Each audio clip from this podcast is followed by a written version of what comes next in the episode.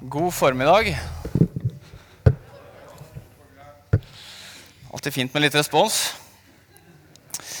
Eh, mitt navn er Eirik Fjell. Så eh, heldig at jeg skal få lov til å um, si noen eh, forhåpentligvis velvalgte ord til dere i dag. Eh, jeg eh, kjenner jo eh, mange her, for jeg, jeg går i menigheten. Og har gått her nå i åtte år, tror jeg jeg fant ut her i stad. Og så er det jo også heldigvis i en menighet så kommer det nye til som jeg ikke har fått hilst på. Så kan jo si litt uh, hvem jeg er, og en liten sånn introduksjon først. Men uh, jeg uh, jobba faktisk her i menigheten for noen år tilbake.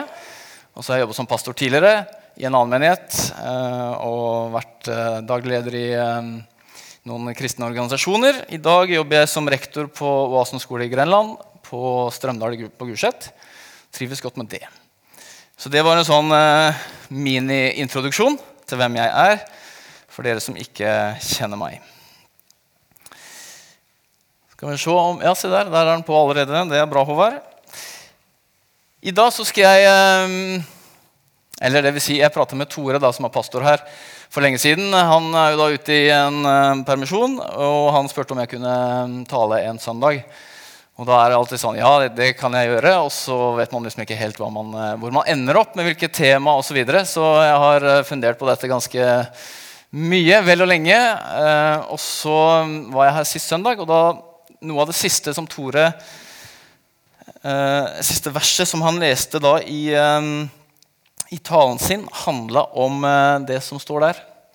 Det var vel egentlig et sånn avsluttende vers som han hadde som nødvendigvis ikke hadde sånn veldig mye med hva han talte om, men som oppsummerte litt. Men fredens evangelium eh, er da nei, tema for min tale i dag. Og fra Jesaja 52,7, det var det verset som Tore avslutta med sist søndag. Der står det Hvor vakre de er der de løper over fjellene, føttene til den som bringer bud, forkynner fred, bringer godt budskap, forkynner frelse og sier til Sion, din Gud er konge. Og så handler jo dette om eh, Jeg skal trekke på en måte ut dette med fred. da, eh, Blant annet, eller i hovedsak. Og så er jo det å prate om fred i dag, det er jo eh, Ja, hva skal man si? Er, hvis man ser på nyhetene, så det er ikke så mye fred som man ser og hører om. Dessverre. Men dette handler da om fredens evangelium som Gud kommer med. Og Litt sånn bakgrunn for verset her, så er det sånn at Israel, eller israelittene har vært i fangenskap i Asyria. Og så er det Jesaja da, som tegner et bilde av en som kommer løpende over fjellet mot Jerusalem. Jerusalem ligger på på et fjell.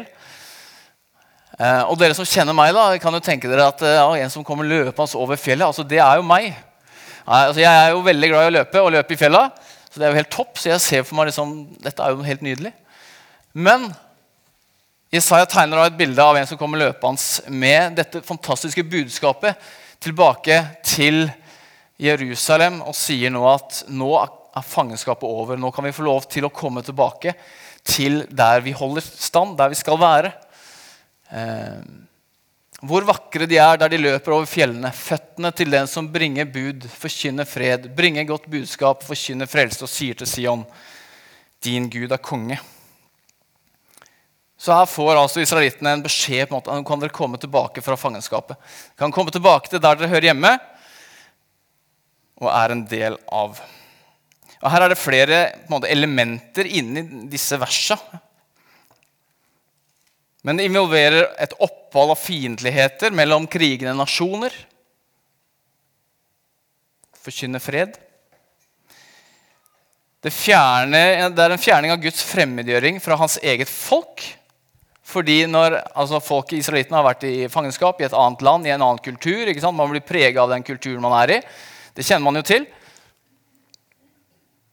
Men her, måte, her får de lov til å komme tilbake til sin egen kultur, til sin egen gud. Og så er det gode nyheter om frelse og en åndelig frigjøring fra synd. Og så er den siste setningen der som er rett og slett en eh, At Gud gjenoppretter eh, stoltheten i israelsfolket. For de sier at 'din Gud er konge'. Eller så kan man si det på en annen måte, så man kanskje forstår det enda bedre. Din Gud er fortsatt konge. Fordi Gud har jo vært kongen til israelittene hele tida mens de også har vært i fangenskap. Men så ser de det på en måte enda mer når de kommer tilbake. Når de får lov til å komme tilbake. Gud har ikke forlatt oss allikevel. Gud er fortsatt vår konge.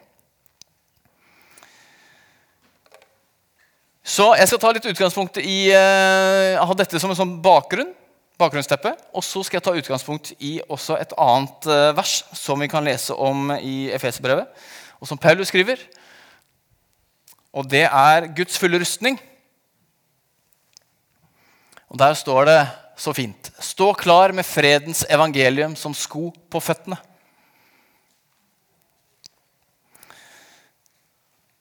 Og det er, eh, det er vakre ord. At vi kan ta på oss fredens evangelium når vi går ut døra hjemme, når vi går på arbeidsplassen. Så kan vi ta på oss de skoa som bringer fred ut til andre mennesker.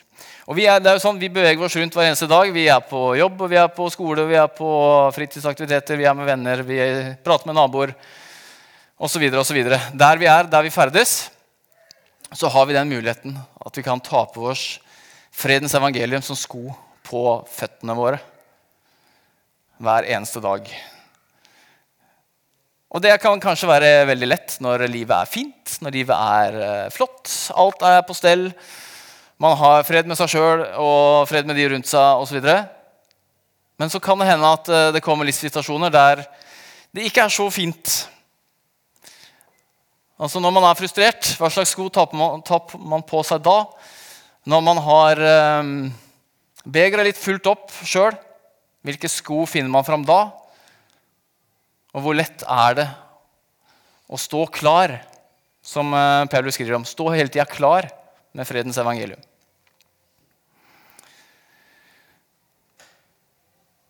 Jeg har lyst til å vise dere tre eksempler fra Bibelen hvor eh, mennesker har stått klare med fredens evangelium som sko på føttene. Og så kan det være um, kanskje en inspirasjon. Det kan være motivasjon kanskje for dere. Uh, og så håper jeg at det kan uh, treffe litt. Så vi uh, går i gang med den første. Og jeg har kalt det den frimodige. Det kan være den intellektuelle eller det kan være den apologetiske. Altså det som handler om trosforsvar. Og så er det Philip som tok på seg fredens evangelium som sko på føttene. Og det er Philip og hoffmannen det står i. Eh, og den skal vi ta og lese. Den står altså i Apostlenes gjerninger 8, 26-39. Men vi leser den sammen. Eh, en engel fra Herren talte til Philip og sa.: Gjør deg klar og dra sørover på veien fra Jerusalem til Gaza. Dette er en øde strekning. Philip gjorde seg i stand og dro av sted. Han fikk se en etiopisk hoffmann, en høy embetsmann, som hadde tilsyn med skattekammer hos Kandake, dronningen i Etiopia. Han hadde vært i Jerusalem for å tilbe. Nå var han på vei hjem og satt i vognen sin og leste fra profeten Jesaja. Da sa ånden til Philip, 'Gå bort til vognen og hold deg tett opptil den.' Philip sprang bort, og da han hørte at han leste fra profeten Jesaja, spurte han, Forstår du det du leser? Hvordan skal jeg kunne forstå, sa han, når ingen forklarer det for meg? Så ba han Philip komme opp i vognen og sette seg ved siden av ham. Hoffmann sa da til Philip, si meg, hvem er det profeten taler om her? Er det om seg selv eller om en annen? Da tok Philip til orde. Han begynte med dette skriftstedet og forkynte evangeliet om Jesus for ham. Mens de kjørte langs veien, kom de til et sted hvor det var vann, og Hoffmann sa, Se, her er vann, hva er til hinder for at jeg blir døpt? Philip svarte, Hvis du tror av hele ditt hjerte, kan det skje. Da sa han, Jeg tror at Jesus Kristus er Guds sønn. Så lot han vognen stanse, og de steg ned i vannet, både Philip og hoffmannen, og Philip døpte ham. Da de steg opp, steg opp av vannet, rykket Herrens ånd Philip bort, og hoffmannen så ham ikke lenger. Han fortsatte lykkelig på sin vei. Og her da, Jeg har på en måte kalt Philip den eh, frimodige. Og her er det, det som er litt interessant her, da, Han får jo på en måte beskjed av ånden av å gå bort til vognen. Og Så sier ikke bibelteksten noe mer hva Philip skal gjøre. Og det er kanskje en litt sånn herre I hvert fall når jeg ser tilbake på mitt eget eh, liv og på en måte mine opplevelser med Gud, så er det ofte at det har vært, måte, du har fått den første eh, beskjeden. Og Så tar du den første bevegelsen, og så vet du ikke helt hva, hva er den neste bevegelsen. Hva skal jeg gjøre nå? Og så er det på en måte stille fra, fra Gud. Du har på en måte bare fått den første beskjeden. Det er litt interessant og det er spennende. Og det handler om å gå på den beskjeden. da. Og det er det eh, Philip gjør her. Han går på den første beskjeden, går bort til vogna. Og så Hva nå, liksom? Og så hører han at eh, Hoffmann leser fra Jesaja. Og Philip, han øh, Forstår du det du leser?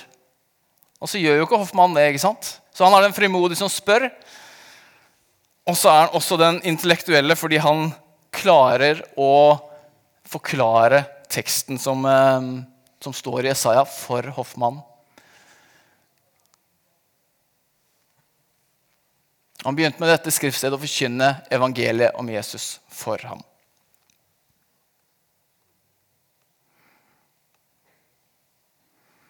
Så gjennom Peters sin eh, eh, frimodighet Unnskyld. Gjennom Peters frimodighet så fikk han altså lov til å forkynne evangeliet. Han fikk lov til å ta på seg fredens evangelium som sko på føttene og forkynne evangeliet for hoffmannen. Og så er det Jeg, jeg satt på dette ordet apologetikk. Eh, trosforsvar. Og Det tror jeg er et utrolig spennende område.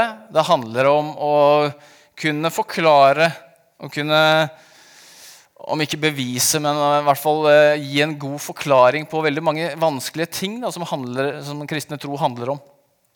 Og det er jo sånn at Før eller siden så vil alle mennesker stille seg spørsmålet altså, hvem er jeg? Hvordan oppsto universet?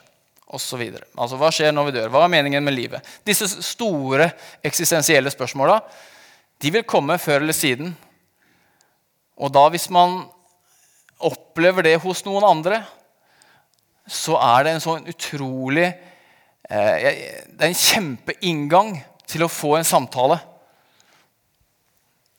Og da, Hvis man er litt frimodig og tør å spørre, hvis man eh, klarer å kunne si noe om hvorfor eh, Hvorfor lever vi? Altså, Hva er meningen med livet? Så kan, kan, vi få lov til å si noe om Jo, det er fordi jeg tror at Jesus, min Gud, døde for meg. Tok vekk min syn for at jeg skulle få lov til å få et eh, oppleve nærvær med ham, få lov til å være Guds barn osv. De som er skikkelig sånn, eh, skal vi kalle de hardbarka apologeter Det er jo en, eh, en, konferanse som heter Veritas-konferansen, som er hvert år i oktober. Der har jeg vært en gang. Fantastisk konferanse, men det er jo en apologetisk konferanse. Men de løfter altså fram bibelverset i 1. Peter 3, 15 og 16 som på en måte et veldig viktig bibelvers for de. Og Der står det.: Men hold Kristus hellig som Herre i hjertet. Vær alltid klare det er litt sånn som Paulus sa. Stå klar med fredens evangelium. Vær alltid klare til forsvar når noen krever dere til regnskap for det håp dere eier. Altså, når du blir eh, anklaga for et eller annet altså, Er du kristen? Er det mulig?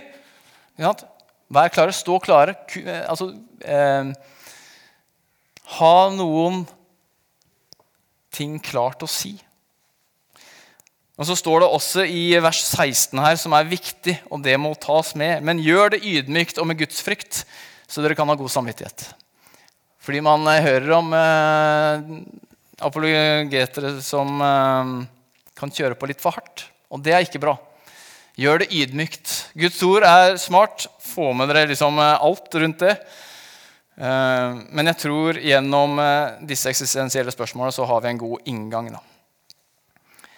Og jeg tror nok at det er mange kristne som har tråkka litt for hardt på gassen. hvis vi skal bruke det uttrykket, Og ikke vært ydmyke i sin framgang. Eh, og da blir det kanskje ikke et uh, fredens evangelium, men kanskje det blir heller et evangelium som hindrer. Og det ønsker vi ikke. Det er ikke det som Jesus kom med. Og dette skjønte Philip, og han, uh, resultatet var at, at, Phil, uh, at Hoffmann tok imot Jesus og ble døpt. Ok, Det var den første. Og så skal vi gå over til nummer to. Og da har jeg kalt det 'Den uventede'. Og Da har jeg lyst til å snakke litt om den romerske offiseren som tok på seg fredens evangelium som sko på føttene. Det kan vi lese om i Lukas 7, vers 1-10, og det skal vi lese sammen, det også. Jeg leser høyt. Det er litt liten skrift, men slå det opp hvis dere har det. Lukas 7, 1-10. Da Jesus hadde holdt denne talen til folket, gikk han inn i Kapernaum. En offiser der hadde en tjener som var så syk at det sto om livet. Han satte stor pris på denne tjeneren. Da han fikk høre om Jesus, sendte han noen av jødene, jødenes eldste til ham for å be ham komme og redde tjenerens liv. De kom til Jesus og ba ham inntrengende. Han fortjener at du gjør dette for ham, sa de, for han elsker folket vårt, og det er han som har bygd synagogen for oss. Jesus gikk da med dem. Men han ikke var langt fra huset, sendte offiseren noen venner til ham med bud. Herre, gjør deg ikke mer bry. Jeg er ikke verdig til at du kommer inn under mitt tak. Derfor våget jeg heller ikke selv å komme til deg. Men si bare et ord, så vil tjenestegutten min bli, min bli helbredet. For jeg står selv under kommando, og jeg har soldater under meg. Sier jeg til en gå, så går han, og til en annen kom, så kommer han. Og til min tjener gjør dette, så gjør han det. Jesus undret seg da han hørte dette. Han vendte seg til mengden som fulgte ham, og sa, Det sier jeg dere, ikke engang i Israel har jeg funnet en slik tro. Og da utsendingene kom tilbake til huset, fant de tjeneren frisk. Altså Denne romerske offiseren han elska denne tjeneren. Han satte stor pris på denne tjeneren. Og Det var jo en slave og offiseren ville gjøre hva som helst for å redde ham, for å gjøre ham frisk igjen. Og det er uventa inn i kultur og inn i tradisjon. For romersk lov definerte slaver som et levende arbeidsredskap. Uten rettigheter. De kunne bli mishandla og kunne til og med drepe ham om det var eh, nødvendig. Altså, det var greit. Romersk lov. En romersk skribent som har skrevet om gårdsdrift. Han anbefaler bonden å se over redskapene sine en gang i året og kaste det som er gammelt og utslitt, og å gjøre det samme med slavene sine. Så denne holdningen som offiseren hadde her til sin jødiske slave, var svært uvanlig. Han hadde fredens evangelium som sko på føttene. Og Romerne kalte jødene for en skitten rase.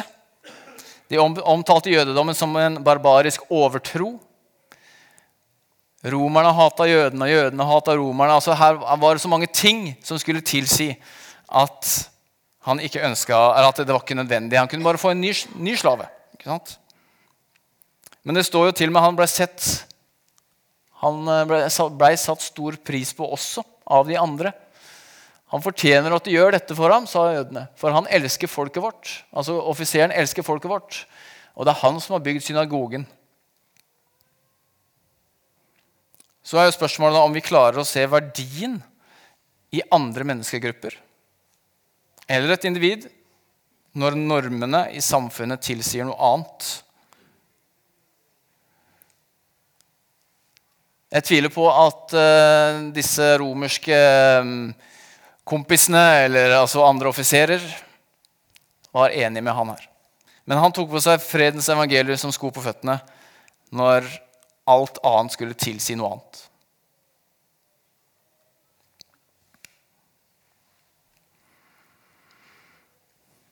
Og Så har jeg den siste. Og så må jeg si at disse som jeg har plukka ut her nå, denne frimodige, den intellektuelle, den apologetiske, Den uventede og nå den tjenende. Det er jo noen ting Man kunne sikkert finne masse andre eksempler hvis man hadde gått inn i, eh, litt dypere inn. Men det er de jeg valgte ut nå. Og så er det Ja, dere skjønner. Det er noen eksempler.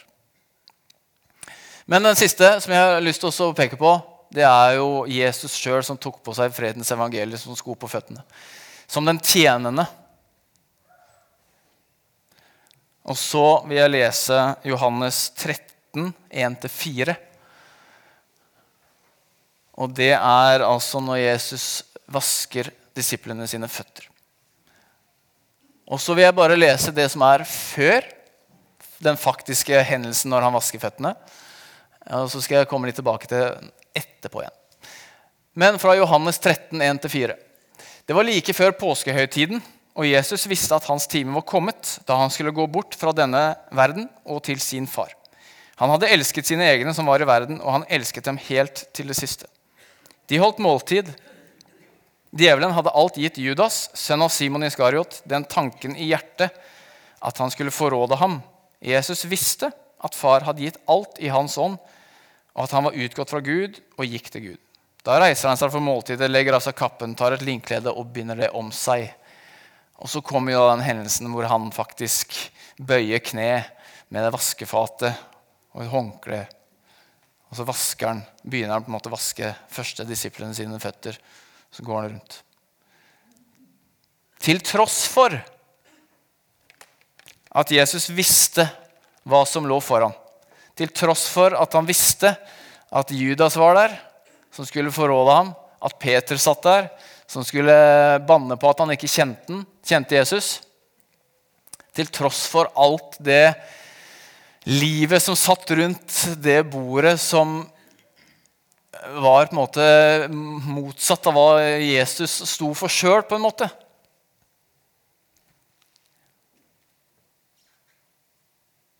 Og Jesus visste at djevelen hadde alt gitt Judas den tanken i hjertet at han skulle forråde ham. Til tross for det så setter Jesus seg ned og så vasker han av alt støv, all sand, all skitt. Alt. Og så er det det fysiske, ikke sant? men så kan vi jo trekke parallellen til det, det åndelige. Og så vasker han disiplene sine åndelig reine. Og så er det en utrolig stor eh, symbolikk i det. Til tross for så vaska Jesus disiplene sine føtter. Jesus er det ultimate forbildet på å ta på seg fredens evangelium som sko på føttene.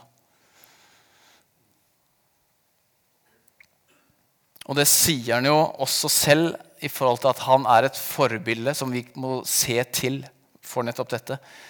For her kommer da, Etter vers 4 så kommer jo på en måte selve hendelsen som jeg har sagt noe om. Og så kommer da Når det er blitt gjort, så sier Jesus til disiplene.: Forstår dere hva jeg har gjort for dere? Dere kaller meg mester og herre, og dere gjør det med rette, for jeg er det. Når jeg som er Herren og Mesteren, har vasket deres føtter, da skylder også dere å vaske hverandres føtter. Jeg har gitt dere et forbilde. Slik jeg har gjort mot dere, skal også dere gjøre. Sannelig, sannelig, jeg sier dere, tjeneren er ikke større enn herren sin, og utsendingen er ikke større enn han som har sendt ham. Nå vet dere dette, og salig er dere, så sant dere også gjør det. Jeg har gitt dere et forbilde. Slik jeg har gjort med dere, skal også dere gjøre.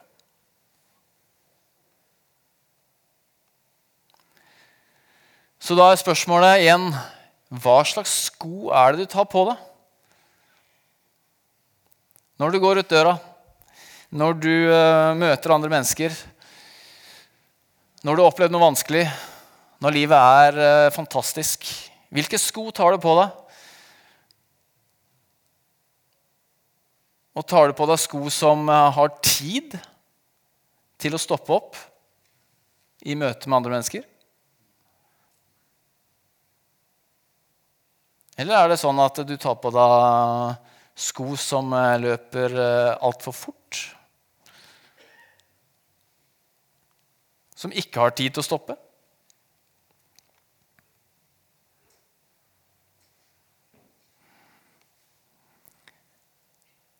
Benytt den muligheten du har til å ta på deg fredens evangelium som sko på føttene i de situasjonene du havner i, kanskje planlagte situasjoner da er det enklere kanskje å planlegge hvilke sko du tar på deg. Men kommer du opp i plutselige situasjoner, spontane situasjoner, så er det kanskje vanskeligere å tenke. Hva skal jeg gjøre nå? Hvordan skal jeg møte dette mennesket?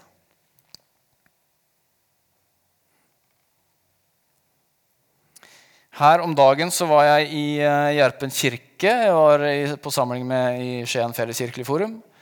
Og da var vi uh, en gjeng i Gjerpen kirke. Der har de laga et uh, bønnekapell. som de har restaurert helt nylig, eller de siste to-tre åra. Og det har kommet som et svar på en, en bønn egentlig hos sognepresten Øystein Aronsen der. Men han, han, fortalte litt om historien rundt det. da. Og så fortalte han også at det hadde vært en gjeng som hadde vært på studietur til et uh, bønnekloster i Wales som heter uh, Jeg huska det akkurat. Nå sto det stille. De het det. Og der sier Øystein Aronsen da, han sier det at der prata de om begrepet 'it's a thin place'. Altså det er et tynt sted. A thin place. Og med det så mente de at i det klosteret så sa de det at det er et tynt sted, eller tynn plass, tynt sted mellom det åndelige og mellom det jordiske. Det var kort avstand mellom himmel og jord, da, for å bruke et annet uttrykk. Og jeg tror det at Hvis man klarer å ta på seg fredens evangelium som sko på føttene, og være bevisst når man går ut i hverdagen, så kan denne avstanden mellom himmel og jord den kan bli mindre. At det blir et tynt sted. It's a thin place. Der du går, der jeg går, der vi møter andre mennesker. Så kan det være et møte mellom himmel og jord. Det kan være en flott møteplass, sånn som Helene snakka om her i stad. At dette er en møteplass mellom menneske og, og, Gud. Men det kan skje hvor som helst. Og hvis vi tar på oss de eh, gode fredens evangelium-skoa våre, så kan det bli veldig, veldig bra. Jeg håper at uh, noe av det jeg sa i dag, kan være til inspirasjon.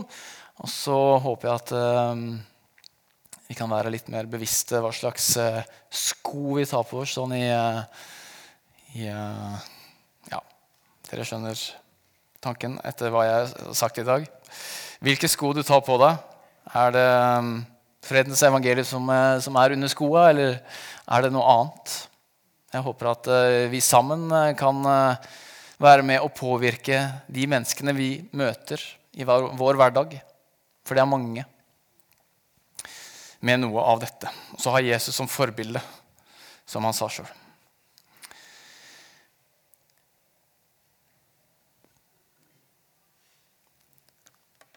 Da avslutter jeg med det samme verset som jeg starta med. Hvor vakre de er der de løper over fjellene.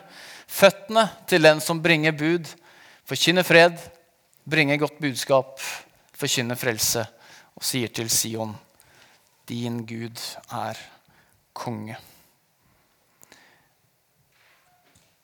Nå er det sånn at uh, Nede i hjørnet bak her så er det en forbønnskrok. Så hvis det er noe i uh, forbindelse med det jeg har sagt i dag, eller noe helt annet som du går og tenker på, så ta gjerne en tur ned der. Der vil det være forbedere som uh, ber for deg. hvis du har lyst til Det Det er også en lysglobe der nede som du kan tenne et lys i. Så benytt deg av den muligheten. Takker deg, Jesus, for at vi kan få lov til å se til deg som det forbildet du er for oss, Herre. Takker deg for uh, det som står i ditt ord, med at vi kan ta på oss fredens evangelium som sko på våre føtter. At vi kan få lov til å gå ut, at vi kan forkynne hvem du er, og si alt det gode som du har gitt oss, Sara. Tusen takk.